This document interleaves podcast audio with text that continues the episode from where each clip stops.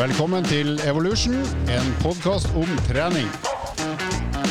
Av treningskjeden EVO. Velkommen til en ny episode av podkasten Evolution. Vi eh, sitter i eh, vårt vante studio. I dag har vi meget interessante og spennende saker på tapetet. Eh, men først av alt, velkommen, Sindre. Jo, tusen hjertelig takk. Takk skal du ha. Vi har jo i dag besøk av en som er veldig sterk. Ja, Det er jo nesten en understatement. Det er en understatement. Det skal vi komme tilbake til. Men før vi kommer dit, så tenkte jeg kanskje vi skulle eh, ta en liten eh, titt på hvordan vi ligger an med disse målsetningene. Vi har jo, vi har jo ytra at vi skal få til noe, og ja. da er det jo alltid spennende å se hvordan det går. Eh, det jeg snakker om nå, er da rett og slett dette treningsprosjektet som vi begynte med. Nå skriver vi jo da 12 juni. Eh, kanskje mest kjent som eh, feriepengeutbetalinga til staten til eh, statsansatte. Men det er, ikke det, vi, eh, det er ikke det vi skal frem til. Det, det, vi skal frem til, er at vi begynner å få det travelt hvis vi skal få til dette her før juli. Det haster nå. Hvordan går det for din del, egentlig? Du, nå skal vi jo senere i episoden her høre om noe som er på et nivå langt over det jeg har eh, lovt. Så eh, det er jo veldig fint at jeg får starte, for da høres det ikke så dårlig ut som om dette hadde kommet etterpå. Men jeg har jo sagt at jeg skal få til tre ting. Jeg skal da ha 100 kg i knebøy, og så skal jeg ha 110 kg i benkpress. Og så skal jeg ha 120 kg i markløft. Uh, og da er det jo sånn at alle de tre vektene er jo ting jeg har fått til før, eh, og jeg skal da komme meg tilbake fra dvalen og, og få det til. Uh, og så har jeg jo da holdt på litt med benkpress uh, hele veien, så den har ikke vært så katastrofal. Så det vil jeg jo kanskje påstå er den som er nærmest. Nå har jeg hatt en hel uke av, da, så nå har jeg jo virkelig gjort det som er lite gunstig sånn på oppløpssida. Det er jo å slutte å trene. Ja. Men uh, jeg har ikke glemt det, som vi snakka om her i en tidligere episode. så jeg håper jo at, uh, at, 110 skal gå. Det tror jeg kanskje. Jeg hadde noen seksere her på 90 kilo. Og såpass, ja. Altså det, det, lover jo godt, da. På vegne av andre eh, så ville jeg tenkt at dette kommer til å gå. Så da må jeg nesten gjøre det på vegne av meg selv. Og så er det i, eh, i markløften. Der, eh, der er jeg litt mer engstelig for at jeg vet ikke om jeg får nok belastning. Altså Det blir så sjelden jeg gjør det, og det murrer litt i ryggen uh, av og til. Det er jo noe jeg har kontroll på, men det er sånn at uh, jeg orker ikke å ta noe risiko her bare for å få det til. Men der var jeg faktisk oppe, kjørte litt sånn rar Det er sånn klassisk du gjør når du bare vil sjekke om det funker eller ikke. Da kjørte jeg en serie på 90, så kjørte jeg to serier på 100, og så én serie på 90 igjen. Og da, hvis ikke jeg husker feil, så tror jeg jeg hadde femmere på 100. Og det er klart, det å bør, basert på at man har klart det før, være mulig å få til. Men så, jeg kan ikke bare sitte og si her at alt kommer til å gå, for jeg må jo få det til. Så jeg må begynne jo, nå. Du må manifestere det nå med en gang, Andreas. så tar du den støyten når den kommer. Uh, ja, det skal jeg gjøre. Vi har ikke kommet til eh, selve støyten ennå. For, for, støyten den kommer nå. Uh, og det er, hvis ikke jeg husker feil, så hadde jeg 65 kilo, 10 repetisjoner i knebøy. Ja. Og til og med du, som kan være optimistiske på mine vegne, skjønner jo at det er et stykke unna. Jeg burde kanskje ikke snakka så tidlig, jeg.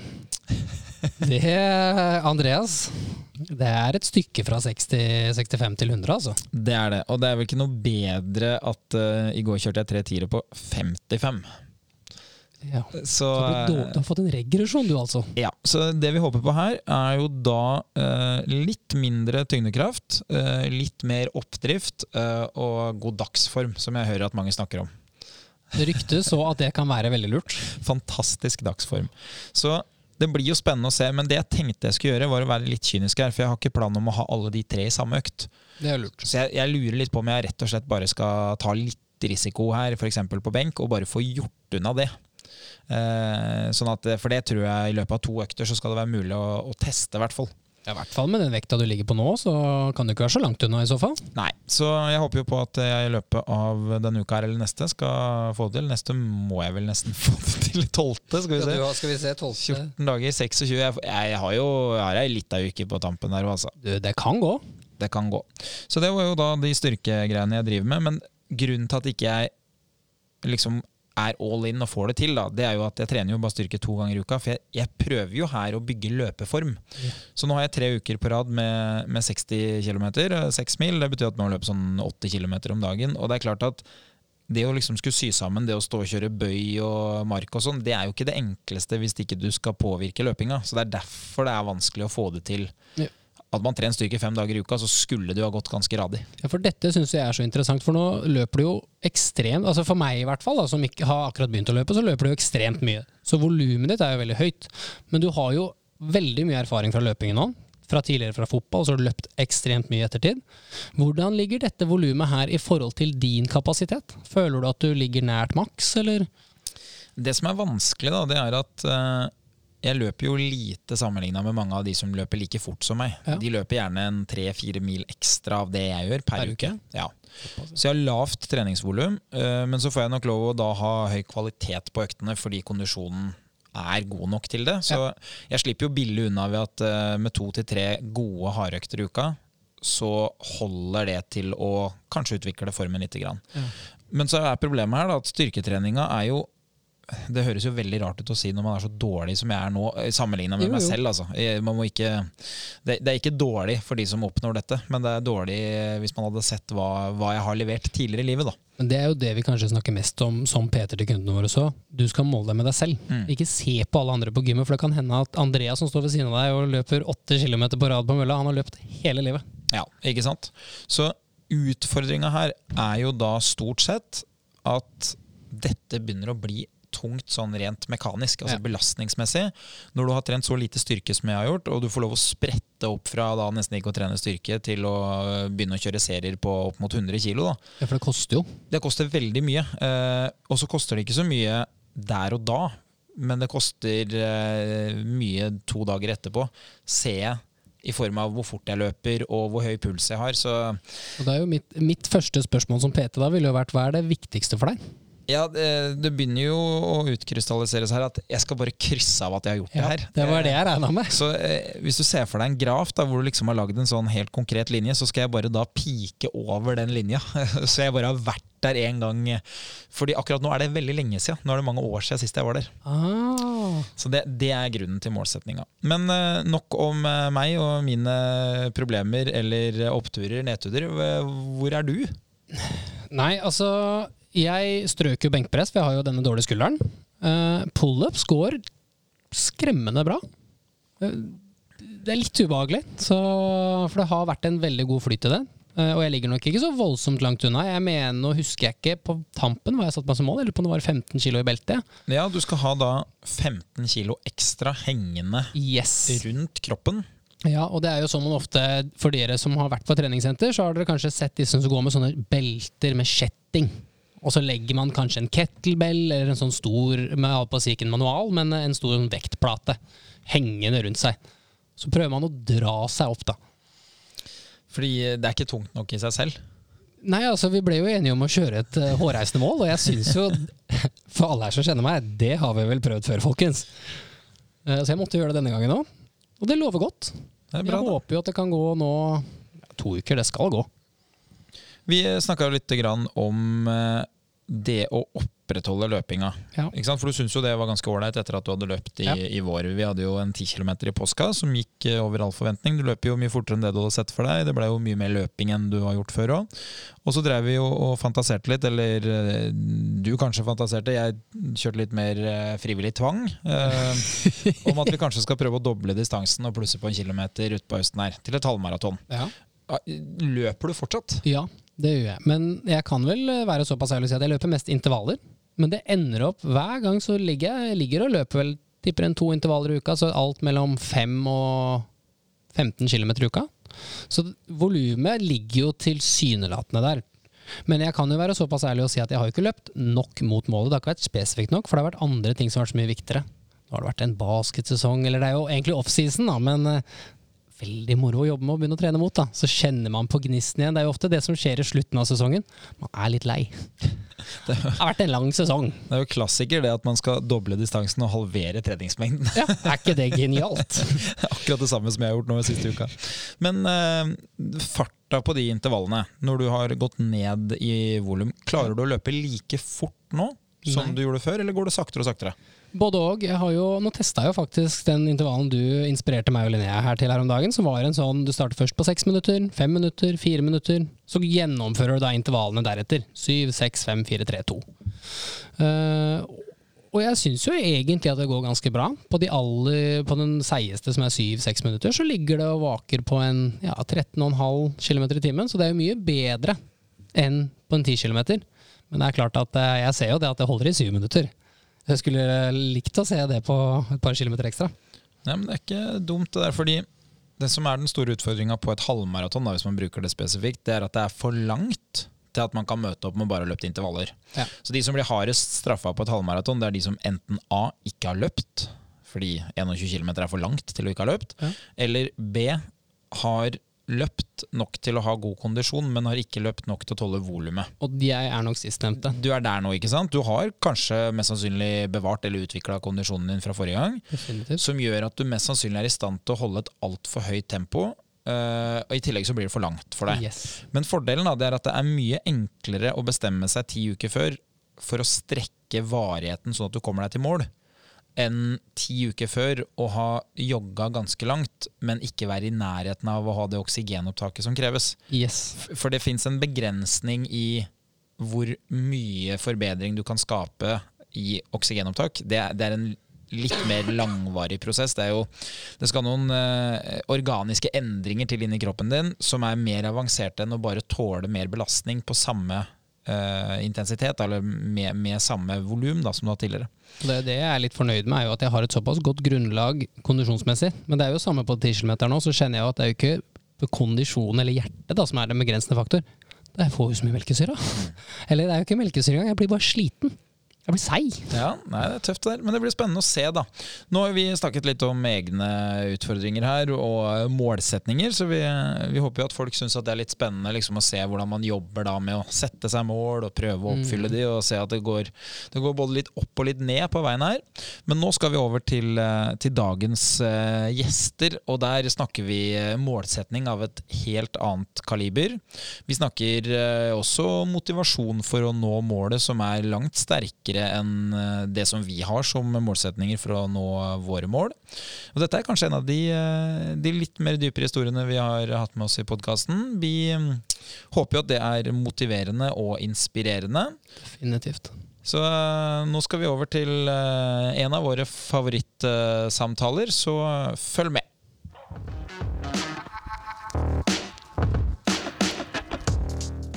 Vi har uh, fått besøk vi i studio, Sindre. Og denne gangen så har vi jo fått besøk av en uh, veldig sterk person. Og da tenker jeg ikke på en sterk person basert på utgangspunktet, jeg tenker jo på en uh, sterk person. Både basert på hva jeg har sett du kan levere, og hva jeg selv driver og prøver å få til eh, med sommerutfordringa mi. Ja, det er jo bedre enn jeg noen gang har levert. Så jeg har kjent på dette her. Ja, for det er jo et viktig faktum her. Det er, dette er bedre enn du noen gang har levert. Ja. Det beste jeg har levert i hele mitt liv er 160 kilo. Eh, Og nå ryktes det jo at det har blitt litt mer siden den gang. Ja, for det vi snakker om nå, det er en ganske unik eh, historie. Eh, Vi har da en personlig trener i eh, EVO som har en kunde, og den kunden er meget sterk, da ikke bare sammenligna med seg selv og andre med sitt eget utgangspunkt, men også sammenligna med deg, som er i din beste alder i forhold til styrke. Ja, de sier jo så, da, men nå har jeg funnet at det er håp for at det kanskje er, kommer en bedre tid. Men så har jeg også jobbet på treningssenter nå en del år, og det har jo du òg. Og jeg har ikke møtt så utrolig mange som har nådd den vekta, altså. Nei, det, det, det, skal jeg virkelig si deg. Det er eh, sjelden. Og eh, det jeg tenker vi kan gjøre her, da, det er å innvie lytterne litt i hva vi snakker om. For vi har da besøk i studio her av en personlig trener. eh, Og vi har da besøk av eh, Therese, som eh, jobber til daglig i EVO-kjeden og har kunder og møter mange ulike mennesker. Og så har vi besøk av hennes kunde som eh, heter Magne. Og Magne han eh, har da levert noen eh, bragder her som er eh, ganske unike. Det er stor prestisje på disse bragdene. For det som er greia her, da Vi snakker om eh, å løfte 150 kilo i markløft. Altså en øvelse hvor stanga ligger på bakken, og så skal man løfte den opp fra bakken sånn at den kommer opp til hofta. Og så kan man egentlig velge hvordan man vil gjøre dette her sjøl. Du kan jo stå med breie bein, smale bein. Men jeg kan jo si det sånn at det, det blir ikke så veldig mye lettere om du velger det ene eller det andre. Nei, Jeg prøvde å endre jeg, da når jeg så denne rekorden, for den så jeg da nemlig på VG eller TV 2 første gangen. Og da tenkte jeg klarer jeg dette sjøl? Ja, Ble du inspirert til å prøve? Ja, jeg har prøvd både med bredt, brede bein og smale bein og alt mulig, men eh, dessverre så har vi fortsatt ikke fått opp den vekta. Veldig bra. Eh, velkommen til oss, eh, Therese. Du har tatt Takk. med deg kunden din. Hvordan, eh, hvordan er dette her å, å ha en kunde som løfter så tungt? Ja, hva skal jeg si? Jeg er jo kjempestolt over Magne. Og jeg så jo veldig tidlig at han har veldig mye potensial i seg. Når han kom til meg på, på trening første gangen, så um, har jo man en tanke om at OK, dette her er en mann, 77-78 år, jeg må legge opp treninga deretter. Så vi starta jo med å røyse seg litt opp og ned fra en benk, og så bare se litt bevegelseutslag. Ta litt analyse. Eh, men jeg innså jo kjapt at eh, han her, han har mye krutt i tønna igjen. Her har vi mye å gå på. Så mm, vi starta jo faktisk å trene bare tre-fire uker før eh, det stengte ned pandemien. Oh, ja. Så vi har jo for det meste første tida løfta stein ute. Og eh, egentlig måtte tilpasse treninga til både en pandemi og etter hvert et mål vi hadde da, eh, om å løfte 150 kg i, i markløft. Er det også samme tidspunkt eh, han begynte på trening? Stemmer det, jeg tror, Ja. Magne? Eller begynte på treningsstudio, er det vel kanskje? For du har vel Ja. trent hele livet? Eh, ja eh, Jeg trente veldig mye da jeg drev med skøyter. Ja. Men så kom det en lang periode hvor det var dårlig, litt jogging i ny og ne. Og så, og så har det jo tatt seg opp igjen nå, da, de siste tre årene. Så min datter hun sier at jeg har to idrettskarrierer med 50 års mellomrom. Det ryktes jo at den tidligere idrettskarrieren også har en del meritter. Du var vel ganske dyktig? Nei, jeg, gikk på skøyter, men uheldigvis så klaffet det slik at hele Norge krydde av skøyteløpere akkurat da. Det var ikke ti stykker sånn som det er i dag. Så, men jeg, jeg, den gangen var vi delt i to klasser, så jeg, jeg holdt til i B-klassen. Og jeg, jeg vant et norsk mesterskap i 1967 på, i B-klassen. Ja, men da Og kan så man har jeg, har har jeg én gang sølv og to gang bronse. Oi, oi, oi. Det her er jo veldig morsomt. Det her er jo, eh, det her er jo et forbilde, Sindre. Altså, eh, velkommen, eh, Magne, til, eh, til oss. Vi syns jo det er eh, veldig stas å ha deg på besøk. Én, fordi du er et forbilde for veldig mange. Og da snakker jeg ikke bare om de som er på din alder. Jeg snakker jo om generelt. Alle burde jo ha deg som et forbilde. Sindre til og med kan jo ha deg som et forbilde her, i form av eh, vekter som kan løftes i markløft. Eh, hva er på en måte eh, Hva er motivasjonen for å drive med trening for deg? Det, det er min meget handikappet eh, kone. Hun fikk hjernesvulst for mange år siden og havnet etter hvert i rullestol. Og fra første dag så tenkte jeg at eh, hun skal bo hjemme så lenge jeg greier å løfte henne og pleie henne. Og innså ganske fort at eh, her må det trenes. Den gangen bodde vi i en enebolig, og jeg hadde et lite treningsrom i kjelleren. Men så ble det for tungvint å bo i dette huset, så vi flyttet til en mer tilrettelagt leilighet, og da mistet jeg treningsrommet. Men ikke langt fra var det treningsstudio, det var da SATS. Så jeg måtte, jeg måtte trene for å kunne holde Anna hjemme. Og jeg måtte gå den sure og tunge gang til uh, treningssenteret. Sure og tung fordi at jeg alltid har latterliggjort både treningssenteret og folk som gikk der. For trening inne med rene sokker og fin skjorte og speil rundt omkring. Hva er det de speiler seg for? Eh, trening for meg, det var å drive ut og løpe i myra, så det var skikkelig skitten opp til knærne omtrent. Og, så måtte du være skikkelig sliten etterpå. Kvalm burde den være. Det var trening. Så det der å, å gå inn og stå og vippe på disse stengene i, foran speil og sånn, det, det, det var latterlig for meg, altså. Jeg Men- leste- Men jeg måtte bare gjøre det. Jeg leste faktisk at du kalte det selvdiggersjappa en gang i tiden. Ja, det var vel eh, Jeg hadde jo ikke peiling på hvordan dette, skulle, hvordan dette foregikk, så jeg gikk og spurte hva, hva koster det å komme inn her til dere for å få adgang til alle disse treningsapparatene. Ja, det må melde deg inn, og det koster sånn og sånn. Ja vel, så gjorde jeg det. Og var vel da i en sånn situasjon at jeg var Jeg hadde allerede mange, flere år vært hjemme med, med kona og var blitt Jeg var ikke ensom, og jeg var ikke enslig, men jeg var blitt litt alene. Og jeg tenkte at her kommer jeg opp på dette treningssenteret. Ingen kjenner meg, ingen skal snakke med. Jeg går inn og løfter, og så går jeg ut igjen. Men så etter da, en dag eller to så fikk jeg en melding på telefon at det lå en, eh, en gratis veiledningstime i dette medlemskapet. Og Jeg tenkte jo med en gang at det har ikke jeg bruk for. Men eh, jeg er gammel skolerektor, så jeg har jo litt oppførsel eh, i, tankene. Så jeg tenkte jeg kan jo ikke si til henne at jeg er ikke interessert i, deg. Jeg må, så jeg skrev bare at jeg, jeg, vil, eh, jeg, vil, vente litt, jeg vil gjøre meg kjent på senteret. Og hun svarte at det var lurt. Og så gikk jeg på senteret, og så ble jeg jo helt forvirret av alle disse apparatene. Jeg har aldri vært inne på et sånt sted før det var jo så mye folk, og det var så mye apparater, og jeg, jeg skjønte at jeg tror jeg må ta den der veiledningstimen. Så jeg sendte en melding tilbake at nå er jeg kjent på senteret, og nå kan du Så, så avtalte vi å, å, møtes. Og Therese begynte å snakke om å, å, ta instruksjonstimer, og hun viste meg rundt der. og fortalte uh, hva det kostet, og jeg tenkte aldri i verden. Det, det, trenger jeg jo i hvert fall ikke. Bare jeg får se hvordan disse apparatene er, og hun viste meg rundt, og så, så, så greier jeg resten sjøl. Men så var det noe ved henne. Hun, hun gjorde dette utrolig interessant. Og jeg strittet imot og tenkte dette har du ikke bruk for, og det, gi blaffen i det. Og, men det endte med at jeg bestilte ti timer med henne før jeg dro. Men, og det Motvillig. folk som kjenner meg, de ville si at det var utrolig godt gjort. altså At hun klarte å overtale deg til.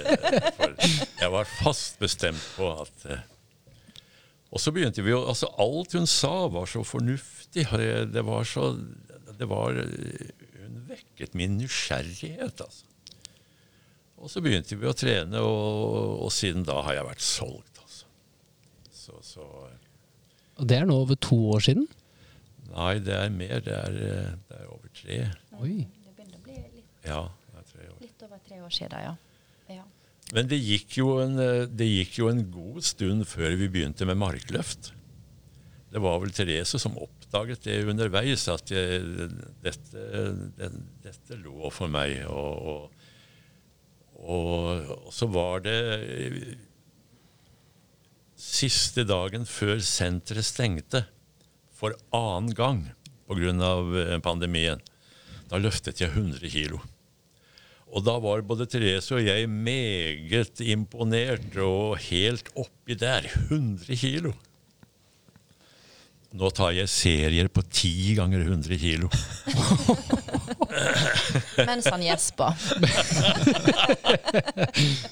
også, også mens jeg sto med stanga oppe, 100 kilo oppe, så kom denne ideen at om ett og et halvt år så fyller du 80 år.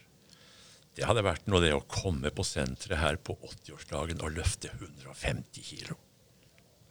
Og Det var en idé som kom flyvende, og jeg sier til Therese at du, om ett og et halvt år så fyller jeg, 150, så, så fyller jeg 80 år tror jeg kunne komme her og løfte 150 kilo på 80-årsdagen. Hva tenkte du da, Therese? Ja, Vi har jo snakka om dette her. da. Magne han huska jo det som at jeg eh, med en gang svarte ja, det syns jeg vi skal prøve på. Eh, jeg husker jo det litt mer som at eh, jeg tenkte jo meg litt om før jeg lovde han at uh, vi skulle forsøke det, eller få det til. Men det er jo klart det at uh, når vi hadde trent markløft uh, en stund, så så jo jeg at her, har vi, her har vi store muligheter. Dette her er en øvelse som han er flink på. Han har god, gode proporsjoner til å få det til. Det er på en måte en fire som vekkes i han idet han klarer å rette opp ryggen på markløften. Uh, jeg tenkte det er sikkert mange råd som fraråder meg å få en 80-åring til å løfte 150 kg, men det blir for dumt å la være. Det blir nesten for galt å la være, fordi jeg ser hvor mye livsglede, hvor mye mestring han får av den øvelsen og trening generelt. Vi må bare prøve oss fram. Og så har jeg sagt til Magne mange ganger vi er skilpadden. Vi må skynde oss langsomt. Det er ikke vitsen å stresse. Vi kommer i mål, men vi må gjøre det på en uh, trygg måte. Så du har dratt mye i bremsen, er det sånn jeg forstår det? Masse i bremsen. Og du vet, Magne han har jo eh, det inntrykk av at eh, hvis ikke man har spysmak i munnen, eller kvalm, som han nevnte etter trening, da har ikke det vært ei bra trening. Så vi har jo jobba veldig masse med at eh, man trenger ikke å ha spysmak i munnen etter trening. Det kan fortsatt være ei veldig god trening. Så det, det har vi jobba med. Veldig imponerende. Jeg fikk jo høre en historie her i stad om et eh, såkalt pyramidesett, hvor du hadde da jobba deg oppover til en tung vekt. Så hadde det gått veldig fint. Og så tok du et tungt løft på toppen der, og så jobba du deg nedover, og da ble det litt for mye? Da ble det litt for mye. ja. Og dette var da uten bremsen til stede? Da var ikke Therese der? Nøyaktig. Det, det, er, eh, det er mange, mange veldig gode sider ved Therese. Eh, og en av de er absolutt dette å, å greie denne doseringen. Helt på nøyaktig, så det ikke blir skade og ikke er eh, utslitt, og, men likevel ganske tungt. Jeg har et godt eksempel. Det var eh, det er vel bare 14 dager siden. Da hadde vi en økt som var kjempetung. Og jeg lurte på hvordan, hvordan skal jeg føle meg dagen etter. Og dagen etter eh, var jeg helt fin. Det var omtrent som jeg ikke hadde vært på trening, og det forundret meg. Og da satte jeg meg ned og så fant jeg ut hva, hva skjedde på den treningsøkta dagen før. Og da fant jeg ut at med til sammen, med knebøy og markløft og alt, så løftet jeg i løpet av en time 4400 kilo. Og jeg er 80 år. Og 4004,5 tonn på én time på en 80-åring og du kjenner ingenting dagen etter. Ikke et vondt ledd, ikke en vond sene, ikke en vond muskel. Da har du å gjøre med en coach som vet hva hun gjør. Altså. ja, det, jeg syns det er veldig interessant. For hvis man, hvis man ser sånn rent uh, treningsfaglig på det, da, som du nevner, Therese, så er det jo litt sånn jeg, jeg tipper at Hvis vi går ut på gata her, så vil jo de fleste si at nei, det er jo idioti. Uh, bare når de hører alder og tenker tung styrketrening, så vil de fleste tenke det, det, er, det er, tullete. Men så vet vi jo sånn av forskningen at uh, det er jo desto smartere med styrketrening jo eldre man er. Det vil jo da opprettholde muskelmasse, som egentlig da kall det forsvinner med økende alder. Altså det, det krever mer å, å, danne ny muskelmasse da, eller å opprettholde muskelmassen man har når man blir eldre. så Derfor er det smart. Og det andre er jo at hvis du har god kroppskontroll, så forebygger du jo fallskader. Uh, og så ser vi jo det at det er ikke noe større forekomst av skader blant eldre hvis de har kontroll på belastninga. Og det er jo det Magne så fint beskriver her. Da, at uh, da har man en god, en god coach. Og grunnen til at mange skader seg hvis de har trent mye styrke, det er jo at man tar risiko. Og det trenger ikke å ha noe med styrketrening å gjøre. Det kunne man jo fått om man driver med kondisjon, eller hvis man driver med investeringer òg, vil jeg tippe. Så jeg tipper jo det å ta høy risiko, det kommer jo med fare for, fare for en smell. Men eh, jeg syns jo det er interessant. altså 150 kilo, det er eh, til de som ikke er kjent med markløft, det er ekstremt tungt. Det, det, er sånn at Hvis du hadde vært dame 50 kilo, så ville du nok trolig ha tatt uh, kanskje et norgesmesterskap, tror jeg faktisk, i, uh, i markløft. Så det er, det er, ganske tunge vekter. Hvordan, hvordan, føles det, Magne, når du gjør det? det? Det må jo være tungt? Det er helt ubeskrivelig. Og når jeg liksom har bygget meg opp til å ta en vekt som jeg aldri har gjort før, å kjenne at 150 kilo forlater gulvet og blir med opp. det, det går ikke an å beskrive, altså. Så gøy. Det, er, eh, det her er jo en øvelse som jeg selv liker veldig godt, og som jeg har brukt mye tid på. Jeg har jo det samme forholdet til markløft som du beskriver. Da, at eh, vektene er såpass tunge at det er ingen andre ting jeg driver med som kan relatere seg til den, til den tyngden. Sånn at det er en viss porsjon usikkerhet hver gang det blir så tungt. For jeg vet egentlig ikke hvordan det går. Og så blir jeg alltid så overraska over den mestringsfølelsen og gleden jeg får av å gjøre noe som egentlig sånn bevegelsesmessig er ganske ubetydelig. Jeg står jo stille der jeg står. Jeg løfter en vekt som jeg ikke skal bruke til noe. Jeg har ikke, jeg har ikke bygd et steingjerde eller gjort noe fornuftig. Jeg har, jeg har flytta vekter som jeg må flytte tilbake igjen. Og så blir jeg så glad etterpå. Så det, det kjenner jeg meg godt igjen i. altså. En mestringsfølelse. Det, det er veldig bra. Altså. Hvordan, eh, hvordan har treningskarrieren din vært? Du var jo litt innom det i stad, du gikk på skøyter. eh, Og så sa du jo at eh, du har din andre karriere nå i løpet av, i løpet av livet her. Men du snakka litt om et treningsrom hjemme. Hvordan type trening var det du drev med der? Det var mye ergometersykkel, og så hadde jeg noen lette manualer. Sånn, sånn for liksom å, å holde, holde kroppen litt i form. Og så jogget jeg en del. Det var stort sett det jeg drev i, i dette rommet. Det var sikkert noen bicep curls, eh, kan jeg tenke meg. Ja, det er jo, eh, det er jo morsomt du, å høre. var, kan jeg få komme med en, en liten betraktning til når det gjelder dette med Altså, jeg løftet 4,5 tonn i løpet av en time. Og jeg er 80 år. Og jeg kjente ingen ubehag dagen etter. Ja, For du hadde vel en del vondter før, du, før du startet å trene? Jeg hadde det øh, før jeg møtte Therese. Da hadde jeg tre vondter som plutselig ble borte. Og jeg merket ikke at de ble borte. Jeg var plutselig En dag jeg skulle gjøre noe som jeg visste ville gjøre vondt, så gjorde det ikke vondt. Og så var den vondten borte, og så var de andre to også borte da jeg sjekket etter. Har du prøvd å behandle det på noen annen måte tidligere? Ja, den ene på albuen her fikk jeg kortisonsprøyte på. Ja. Så, så ille var det. Og plutselig så var den borte. Etter tre måneder med Therese så var den borte. Men, men dette her med å løfte fryktelig tungt og masse kilo, 4,5 tonn, og, og være 80 år og ikke ha noe merker av det dagen etter Jeg tenker på at eh, helsevesenet strever veldig med folk som har belastningsskader og må behandles, og det, det mangler behandlere, og de må ha blå resept, og de må ha innom institusjoner hvor det ikke er plass, og det er masse greier. om helseministeren blir dynget ned med problemer og spørsmål rundt dette her. Jeg trener. Jeg løfter 4,5 tonn på en time. Jeg er 80 år. Jeg har ingen skader etterpå.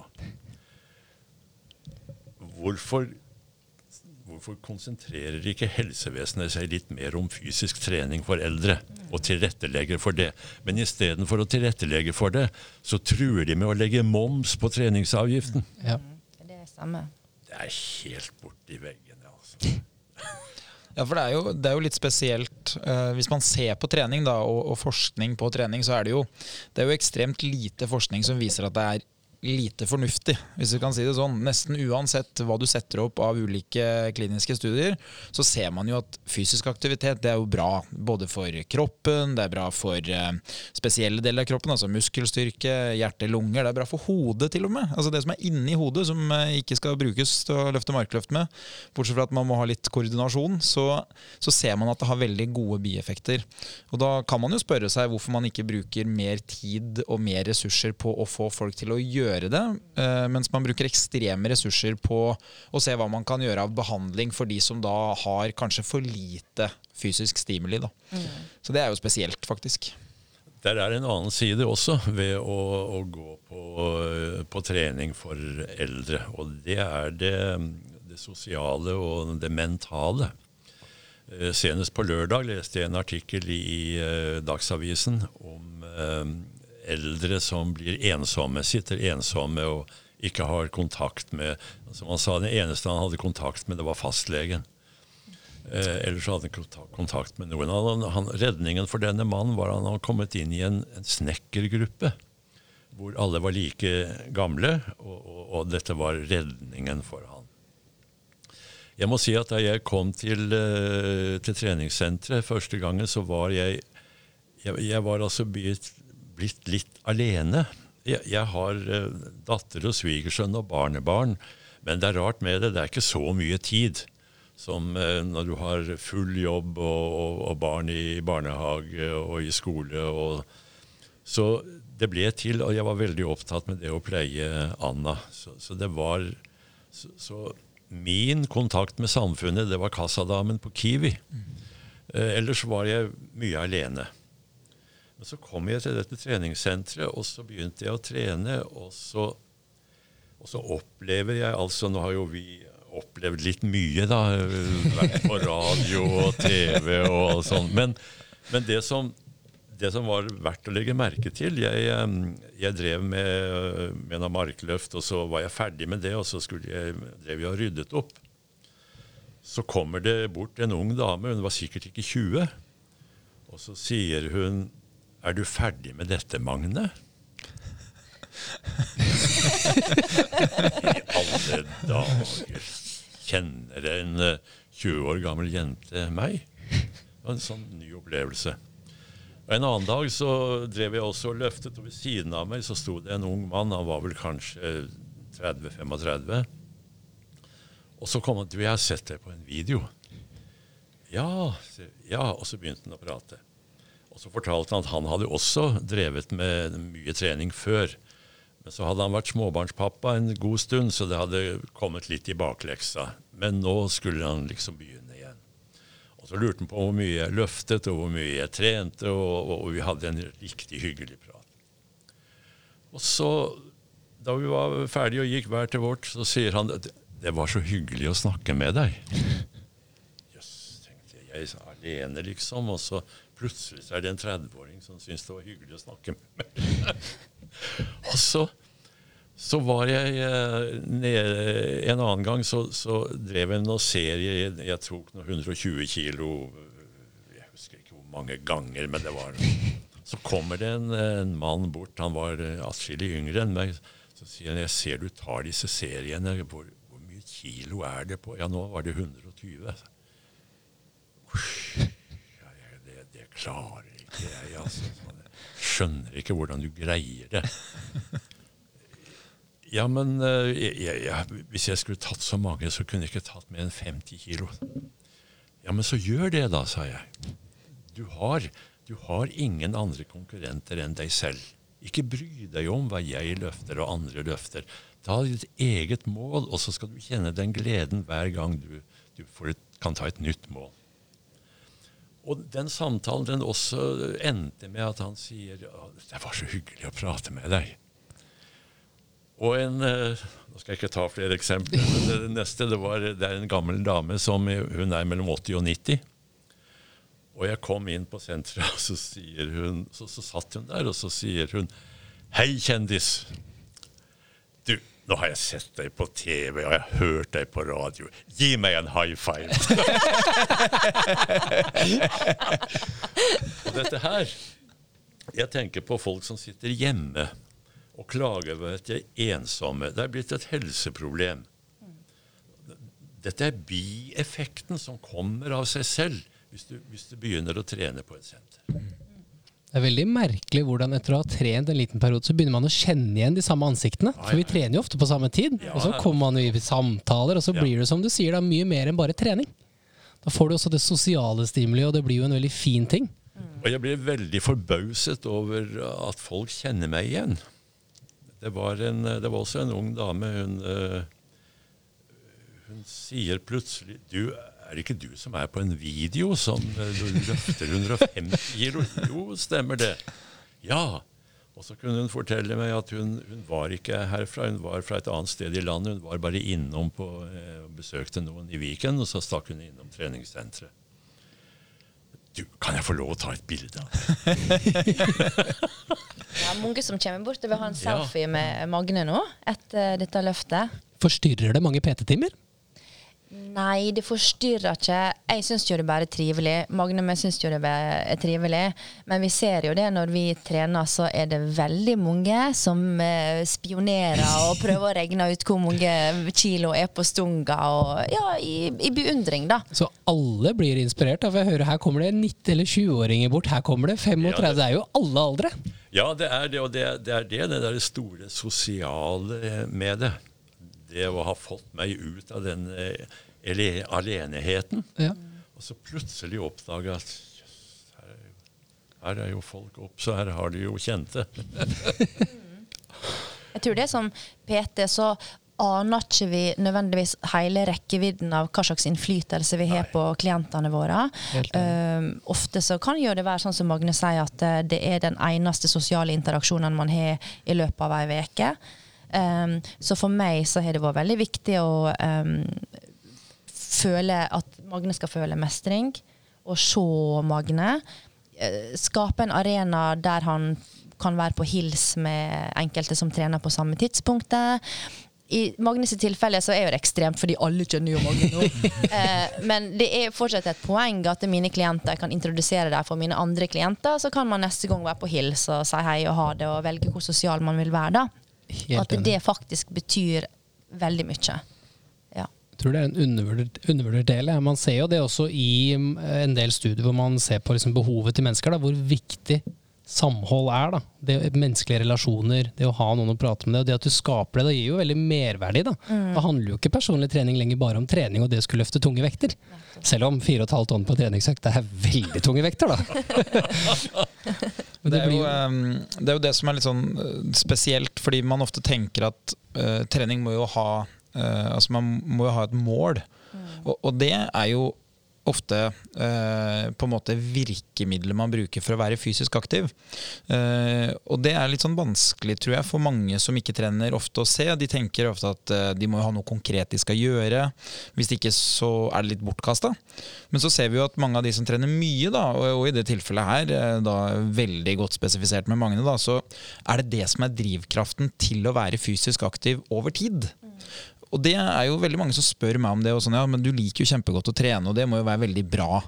Så tenker jeg, men det er jo fordi at jeg har lagd meg ting som er viktig for meg, som gjør at det å trene er Kall det virkemidler for å oppnå de eh, mestringsfølelsene, eller eh, Så det er jo ikke alltid at treninga i seg selv er det som får meg til å stå opp om morgenen og møte opp på trening. Det kan også være en sånn litt fjern målsetning som man har, og så har man en forpliktelse overfor seg selv. Og da tror jeg jo at hvis man kan være med å inspirere og motivere andre, så kanskje man kan gjøre den oppstarten litt enklere, sånn at de kan finne seg virkemidler som eh, får de til å gå selv. Og da vil jo det å ha noen som eh, er på treningssenteret, som er villig til å sette av litt tid, smile, ta en prat, det er jo ofte veldig effektivt. Og jeg tror jo det, eh, også i de tilfellene, Magne, at når du møter folk på senteret, så eh, i starten så vil det jo være du som på en måte får et påfyll av motivasjon og kjenner på at eh, dette bidrar til en bedre dag. Men jeg tror jo i mange tilfeller at det er akkurat det du òg skaper for de som faktisk tør å ta en prat med deg. da. Ja da, det, det jeg er helt enig. Hva, hva er på en måte suksessoppskriften? da? Til, altså, Sindre sitter jo her eh, med stjerner i øya. Han, eh, Ja, det. han tenker jo hvis 150 kilo kunne ha gått, så hadde, det, da hadde han fått kryssa av et viktig punkt i karriereboka her. Kan du hjelpe meg òg? Hva, hva gjør man for å bli så sterk? Det er jo veldig godt spørsmål. Jeg tror det har veldig mange faktorer svaret, da. Det handler jo for det første om kjemi. Det er jo veldig viktig at man har. Fordi at skal man lede en person til å løfte 150 kg, så må det være mye tillit i bunnen. Det er helt essensielt. Um, Magne han hadde et kjempegodt utgangspunkt. Jeg så potensialet i han. Og eh, som jeg nevnte innledningsvis, at eh, vi har vår skilpadde. Vi har skynda oss sakte.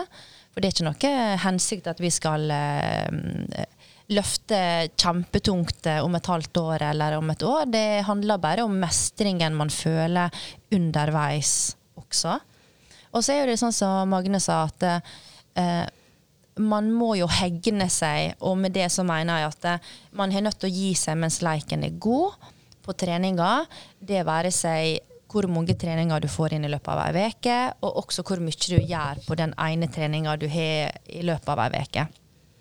Og så har vi snakka veldig mye om at restitusjon er kjempeviktig. Sove godt og spise.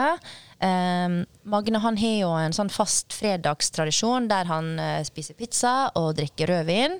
Og det er sagt er like viktig å fortsette med som markløften på mandag. så det handler jo mye om balanse også, da. Det skal jo være en del av livet, men det skal jo ikke være um, hele fokuset til en 80 år gammel mann nå at vi skal løfte 150 kg. Det, det, er en bonus, på en måte. Det er en hobby vi har nå underveis mens man lever et liv man vil. Og det kan jo Magne gjøre fordi at uh, han trener regelmessig styrke nå. Um, han kan ha det livet han vil. Han kan stikke på hytta, han kan ro båten. Han kan hva du gjør av og til. Du drar inn båten alene på høsten. Og, altså, han kan jo gjøre sånne ting nå fordi at han har lagt grunnlaget, da, sånn som du sier. Han, har, eh, han innser at det er virkemidler for å ha det livet du vil ha. Det er f.eks. trening. Mm. Og når du er innforstått med det, så er det klart at det, du kan jo leve det livet du vil. Om du er 70 eller 80 eller 90. Du bare lager grunnlaget for det, rett og slett. Ja, for Du motbeviser jo virkelig her at det er jo aldri for sent. Uh, den unnskyldninga merker jeg jo at folk bruker. Altså, uh, det er nesten sånn at jeg hører kompiser på min alder som har fått uh, ett og to barn. De har jo begynt å avskrive egne sjanser. Men Hvordan merker du det å være såpass sterk i dagliglivet? Ser du noe til det der? Ja, det, jeg gjør jo det. Jeg har en, jeg har en, en hytte oppe ved Steinsfjorden. Og båtplass. Og, og, det er mange tunge tak å, å ta der. Eh, fra, fra, parkeringsplassen og opp til hytta så går det en eh, 100 meter lang sti, en kronglete sti, med trerøtter og steiner, og smal er den. Og Men jeg, eh, jeg greier å få kona opp den stien på en spesialrullestol som ikke har vært mulig uten de kreftene. Det, det, det har vært noe av forutsetningen for å, å kunne ha den hytta. Det er, det er min kraft mm. til å, å, få henne opp den stien. Dere fortalte meg den historien sist dere var her, og da forteller jo dere at naboene pleier ofte å stå og se på. For det er jo ikke en vanlig sti, det her. Den er vel ganske kratt? Den er, eh, den er vanskelig, og den er uh, smal, og det er mange hindringer som gjør at jeg må både løfte kone og, og rullestol over steiner og trerøtter, og, og, så ligger den i en skråning. Så uh, naboene tør ikke å se på, for de regner med at det her går det galt. Men de tør heller ikke å la være å se på, fordi at neste øyeblikk så ligger vi i vannet. og jeg har, jeg har, jo hatt med eh, datter og svigersønn og familiemedlemmer opp der, og jeg sier det er greit, men ingen får lov å se når jeg tar Anna oppover den stien. For da vil, de, da vil de melde til myndighetene. Sette forbud, altså. Ja, men hva skal du gjøre hvis dere ligger i vannet? Ja, så sier jeg én ting skal man klippere av, altså. Uansett. Nei, men Da skjønner jeg jo at uh, treninga har, uh, den har jo flere dimensjoner her enn bare, enn bare vekta på treningssenteret. Den hytta kjøpte vi etter at Anna ble syk, så jeg visste hvordan det var. Og før vi kjøpte hytta, så fikk jeg lånt en modell av den spesielle rullestolen som jeg dro opp og kjørte fram og tilbake før vi kjøpte hytta. Mm. Men uten Anna oppi. Men jeg så bare at det, det, det går. Det, går. det går. Og skjønte jo etter hvert at det går med god trening. Så var det.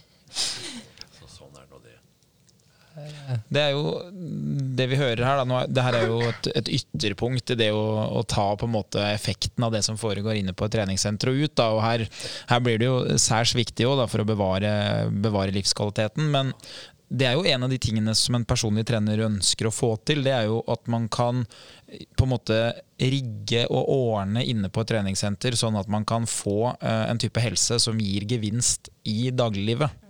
Og det tror jeg jo, hvis vi hopper litt tilbake til introduksjonen her, når du snakka om første gangen du gikk inn på et treningssenter, så tenker jo de fleste at det handler om utseende og eh, selvopptatthet. Da, og det å liksom eh, være på en arena hvor man føler seg bra og hvor man blir sett. Men Eh, jeg opplever jo at veldig mange får det som en type bieffekt av å være der. At oi, dette her har jo god effekt på helsa mi.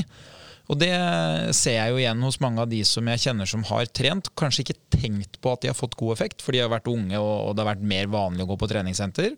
Og så har de kanskje et fravær på å si fem til ti år, og så begynner de å skjønne at ja, det at jeg har vondt i ryggen i dag, eller at det jeg driver med til vanlig er ganske slitsomt, det skyldes at jeg er lite på treningssenteret og gjør ting som er forebyggende. Så det å gjøre ting som er tyngre enn det du gjør til vanlig, er jo veldig, veldig smart. da. Eh, når dere trener, så uh, har dere jo et utvalg med øvelser. Man kunne jo ha kjørt markløft hele tida, men jeg tipper jo dere har noen andre øvelser. Hva er det man uh, gjør på trening til daglig? Altså, Magne, Nå har jo vi trent litt spesifikt opp imot eh, løftet og det løftet som vi skal ta nå 20.6. Så det har jo vært mange øvelser som gjør det sterkere i markløft. Men Magne har jo veldig godt av balanseøvelser og koordinasjonsøvelser. Og vi gjør litt eh, mobilitetstrening. Det er ikke favoritten, for å si det sånn.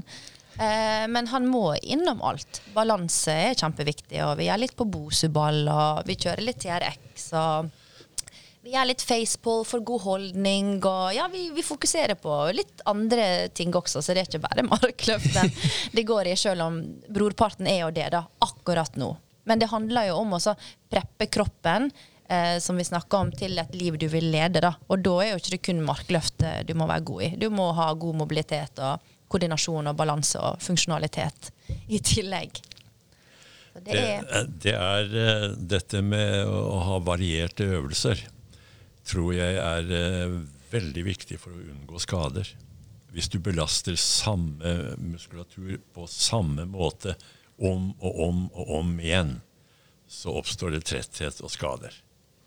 Men der er jo en av de sidene ved Therese. Hun har, hun har en uendelig rekke med varierte øvelser som gjør at skadene holdes borte. Og Da jeg drev med skøytetrening, så hadde jeg hele tiden var det vondt i et kne, og så var det vondt i en ankel, og så var det en akilleshæl, og så var det en skulder. Det var hele tiden noe. Og det var jo fordi at jeg trente fem dager i uka og gjorde de samme øvelsene. Ja. Mm. Da blir det en overbelastning. Det her, altså Markløft er liksom øvelsen, men, men det, akkurat nå i det siste har det vært litt jevnt opp mot løftet den 20. juni. Men, men, ellers så kan det jo gå ukevis mellom hver gang vi har markløft. Men det er mange andre øvelser som er ganske like. Det er jo litt sånn morsom greie, ikke sant? for når du begynner å bli så sterk som du er nå, så begynner belastninga av den ene øvelsen begynner å bli så stor at hvis du sier at eh, et vanlig liv, der burde du ha gjort noe som er tyngre til vanlig, f.eks. trent styrke, så er det jo sånn at når du blir så sterk i markløft, så bør du gjøre andre øvelser fordi at de musklene som inngår i markløftet, de bør kanskje tåle å løfte litt mer enn akkurat den vekta.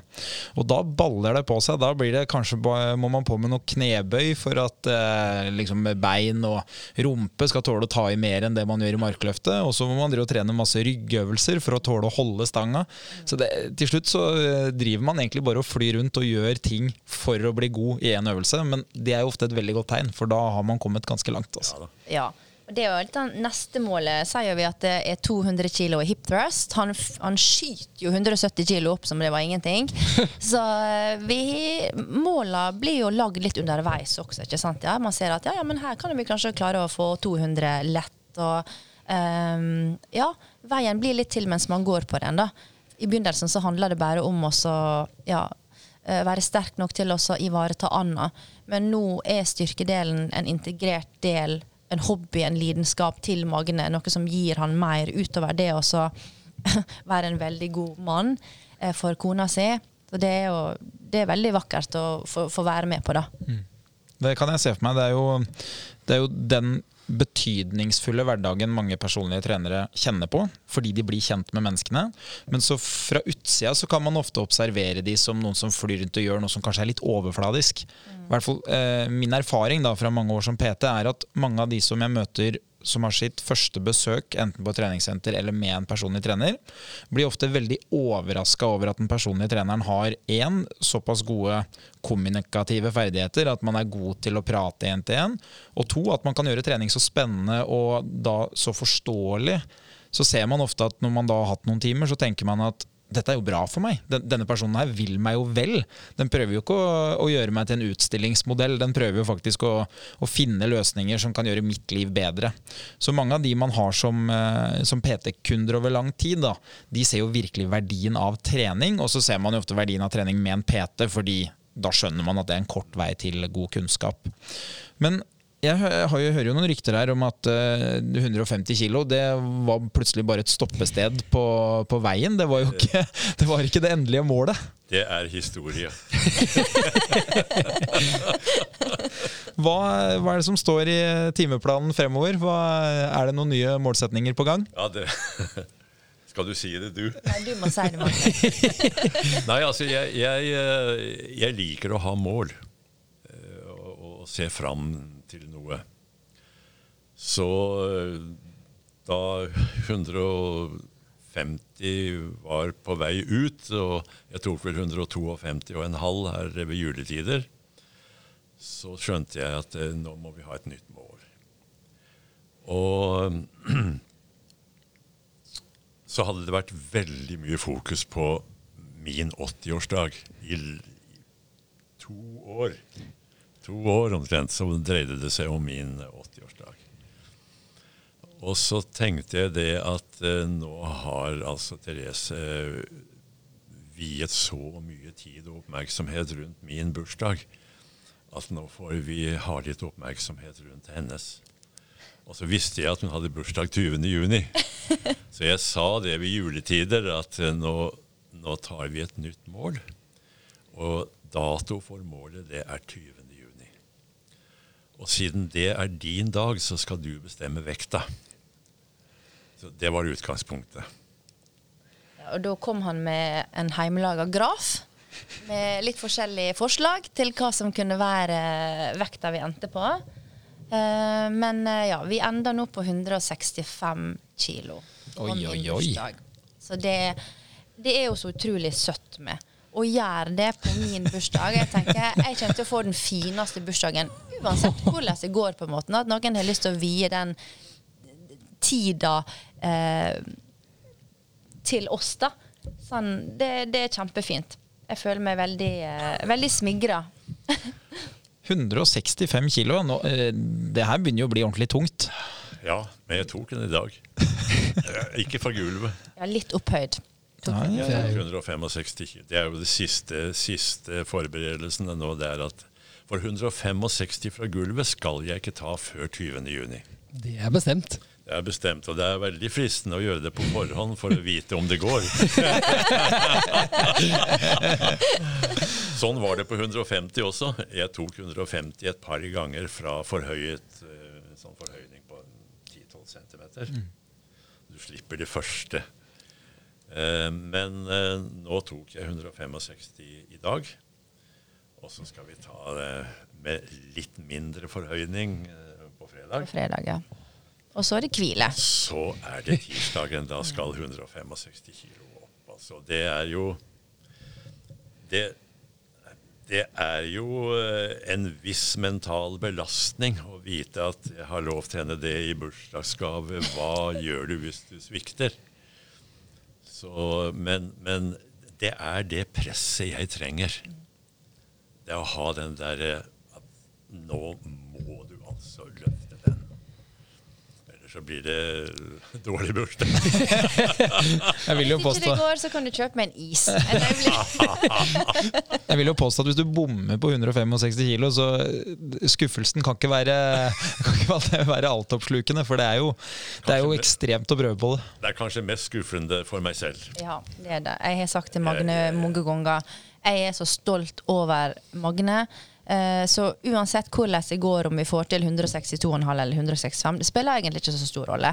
Jeg er kjempestolt over Magne, hva han har fått til, hva trening har vekt i han, um, hva reiser vi har vært på i lag, og hva vi har lært hverandre underveis, og det vennskapet vi har egentlig fått også. Så Det er bare en bonus hvis vi får til 165. Vi setter oss uansett nye mål eh, til Magne sin bursdag igjen. Så det er det som er det fine. Det er veldig, veldig godt å høre. og jeg jeg tror det er en veldig god eh, måte å løse det med fysisk aktivitet på. Da, at man, man gjør det viktig for seg selv. Ja. Samtidig så er skuffelsen størst for deg selv. Eh, og så er man jo fryktelig langt unna å ikke trene. Som jeg ofte Ja. tenker at uh, Hvis jeg kan liksom surre borti her med de målsetningene, så er jeg i hvert fall veldig langt unna å ikke trene, som er helt på andre sida. Uh, jeg, jeg kan jo si jeg kjenner meg veldig godt igjen, både i det at uh, man har litt lyst til å bare sjekke om man får det Ja, til på ja. forhånd. Oh, ja. Eh, og så kan jeg òg si, da, for nå har jo jeg drevet både med sånn tunge styrkeløft, men òg løpt en del maraton. Når det gjelder maraton, da har man ikke lyst til å løpe på forhånd og bare sjekke. Da vil man helst ikke løpe den dagen man skal sjekke det heller. Skal bare bruke fire timer på å se om jeg får til det her. Ja. Men den følelsen som melder seg litt underveis der, da, det er jo at uh, det her betyr bare noe for meg. Eh, og det er jo ofte det man nå kan se hvis man ikke får det til. Det er jo at eh, verden raser ikke sammen for de rundt. Det gjør ikke det. Det, gjør ikke det. det er jo Nei, det er den der eh, bevisstheten om at uh, jeg har gjort det, altså. Jeg satte et mål, og jeg har gjort det. Nei, det er veldig, veldig godt å høre. Eller så var dere innom noe, dette med PT-ens betydning. Det uh, Både Therese og jeg var jo, begynte jo på SATS. Og eh, så flyttet Therese hit. Og det er en grunn til at jeg blitt med. Det er det. Fordi at uh, Therese er for, Som PT så, så er hun har mange egenskaper, men, men det, som, det som har forundret meg i, i, i lang tid, det er den evnen hun har til å Den timen vi trener sammen, så har jeg inntrykk av at er, hun ser ikke noe annet i verden enn akkurat meg. Det er bare rundt meg hele én time. Helt og holdent.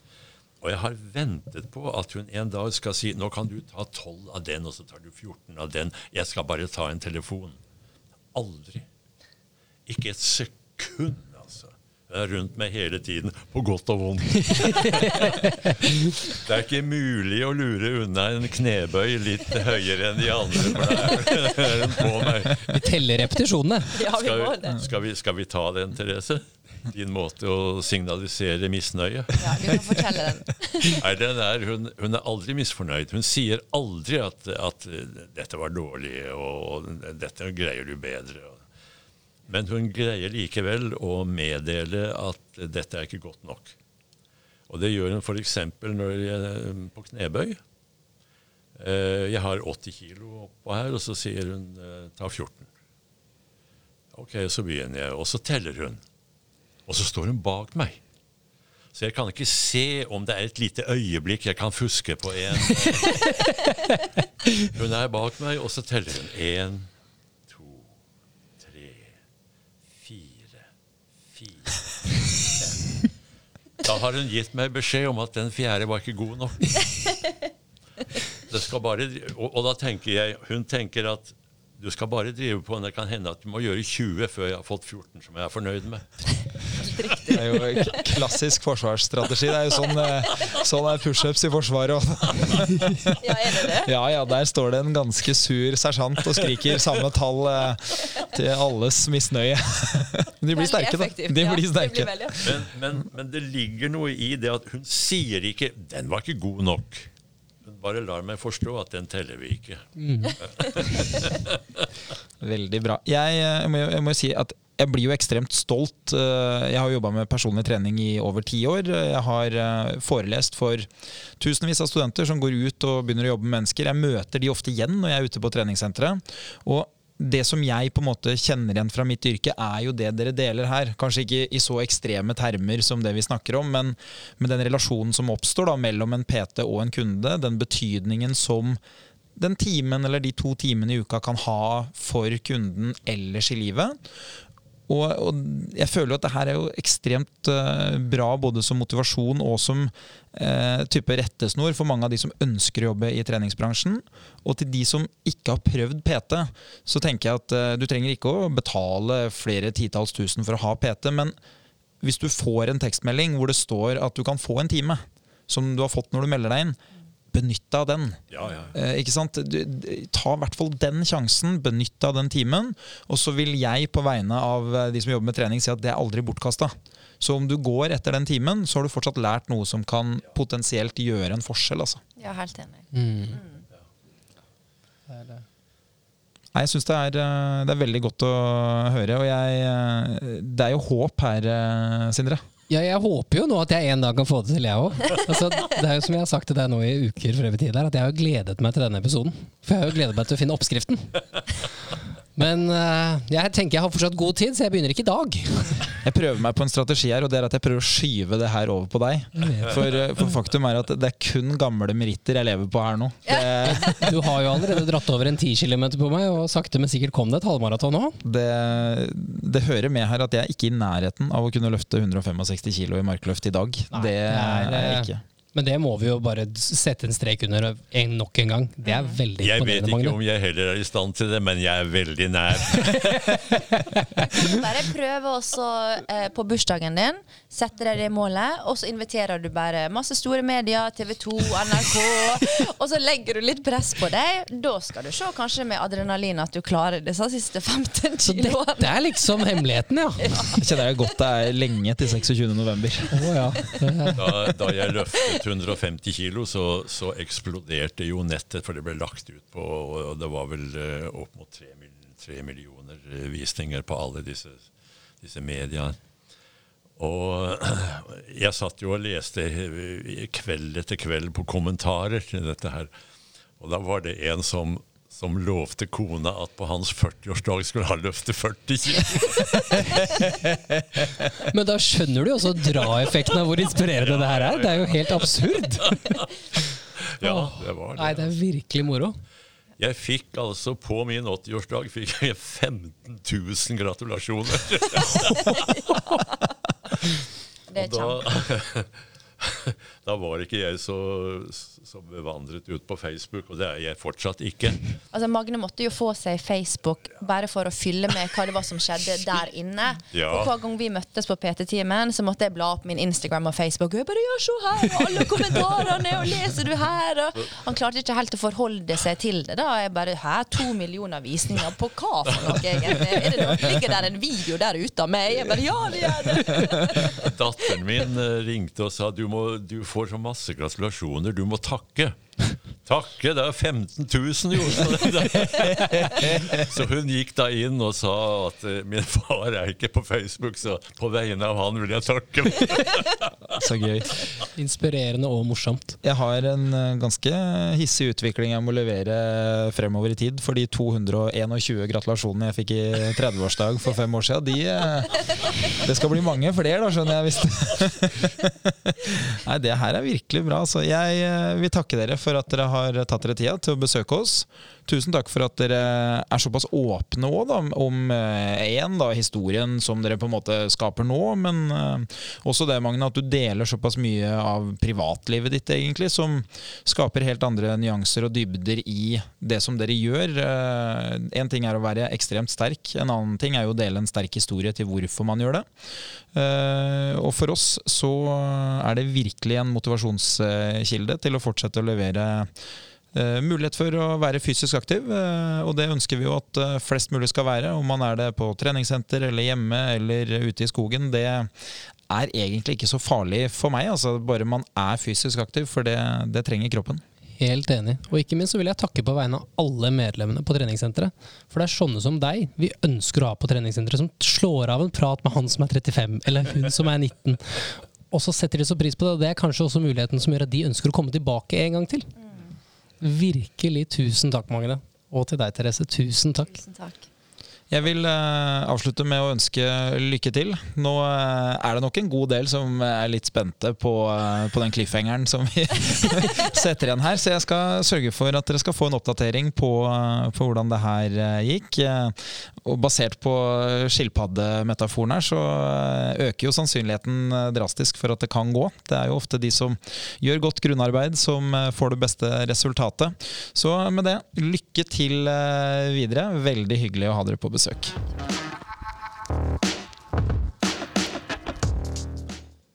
Ja, Sindre. Jeg har ikke så mye å si etter, eh, etter dette intervjuet. Hva, hva er det første som slår deg etter å ha hørt på Magne og Therese? Ja, det er aldri for sent. Jeg tror jeg aldri Det skal mye til at jeg må, kan si det at jeg har møtt en person som kanskje er så inspirerende og så reflektert. Og ikke minst så sta. det, er mange altså Jeg er nesten litt sum for ord, men det er jo utrolig inspirerende å se på. Eh, og ikke minst prate med og høre på refleksjonene til både Therese og Magne underveis. da. De har jo fått til ekstremt mye på kort tid. Ja, Det vil jeg jo påstå. Jeg, jeg syns jo det er kult at noe som er så treningsfaglig relatert, blir fanget opp, som det det har blitt. da, Og det gikk jo helt viralt, det her. altså. Ja, det tok helt av. Ja, så, så det er jo ekstremt mange som har sett dette eh, styrkeløftet som ble gjort da på 80-årsdagen, når han løfta 150 kilo. Så på den ene sida så syns jeg jo det er veldig fint treningsfaglig, som du, som du sier òg, at det er aldri for sent. Altså, styrketrening har etter min erfaring òg gitt veldig mange eh, en utrolig positiv utvikling. Så eh, folk som kommer til meg som er 40 år, 50 år, 60 år, 70 år, de har plutselig sett at oi, trening kan virkelig påvirke hvordan jeg opplever dagliglivet mitt. Ja. Og på flere plan da enn bare liksom fysisk avkastning, men man føler liksom at man får litt mer selvtillit. Man blir litt sterkere, så at man kan takle eh, oppgaver bedre. Man tåler også kanskje stress og utfordrende situasjoner litt bedre, fordi man har med seg mestringsfølelse av å nå mål. Og så må jeg jo si at eh, det som på en måte topper historien her, er jo også da motivasjonsgrunnlaget, eller da liksom selve årsaken til målsetningene, som bare viser at hvis det virkelig er sånn at du vil få det til, da er på en måte ikke hindringen noen gang stor nok, altså. Og det er jo noe man prøver å altså Det glade budskap det er noe vi prøver å si til alle medlemmene der ute vi møter. Men det er svært få som tror på det selv. Og det er det som går igjen når du prater med han. Det skal gå. Er du sikker? Nei, men det skal gå. Det er en så tro på egen vilje og egen kraft, i tillegg til en motivasjon som er ikke bare for seg sjøl, men alle andre òg. Han har jo blitt en inspirasjonskilde for mange flere enn han hadde sett for seg. I alle aldre. Og det er jo noe man skal ta med seg, da, og den sosiale biten ikke minst. Det var det jeg syntes var så hyggelig å høre på. Og jeg har fått seg et nettverk. Et godt, stort nettverk på treningssenteret. Nå er jo han også en kjendis, da, men uh, for alle andre òg. Det er så mange venner å få. Ja, for det er jo lett å tro det at uh, for at det skal kunne dannes et miljø på treningssenteret, så skal man gjerne være av uh, samme aldersgruppe, man skal gjerne ha like interesser, man skal gjerne kanskje ha samme eh, fysiske utgangspunkt.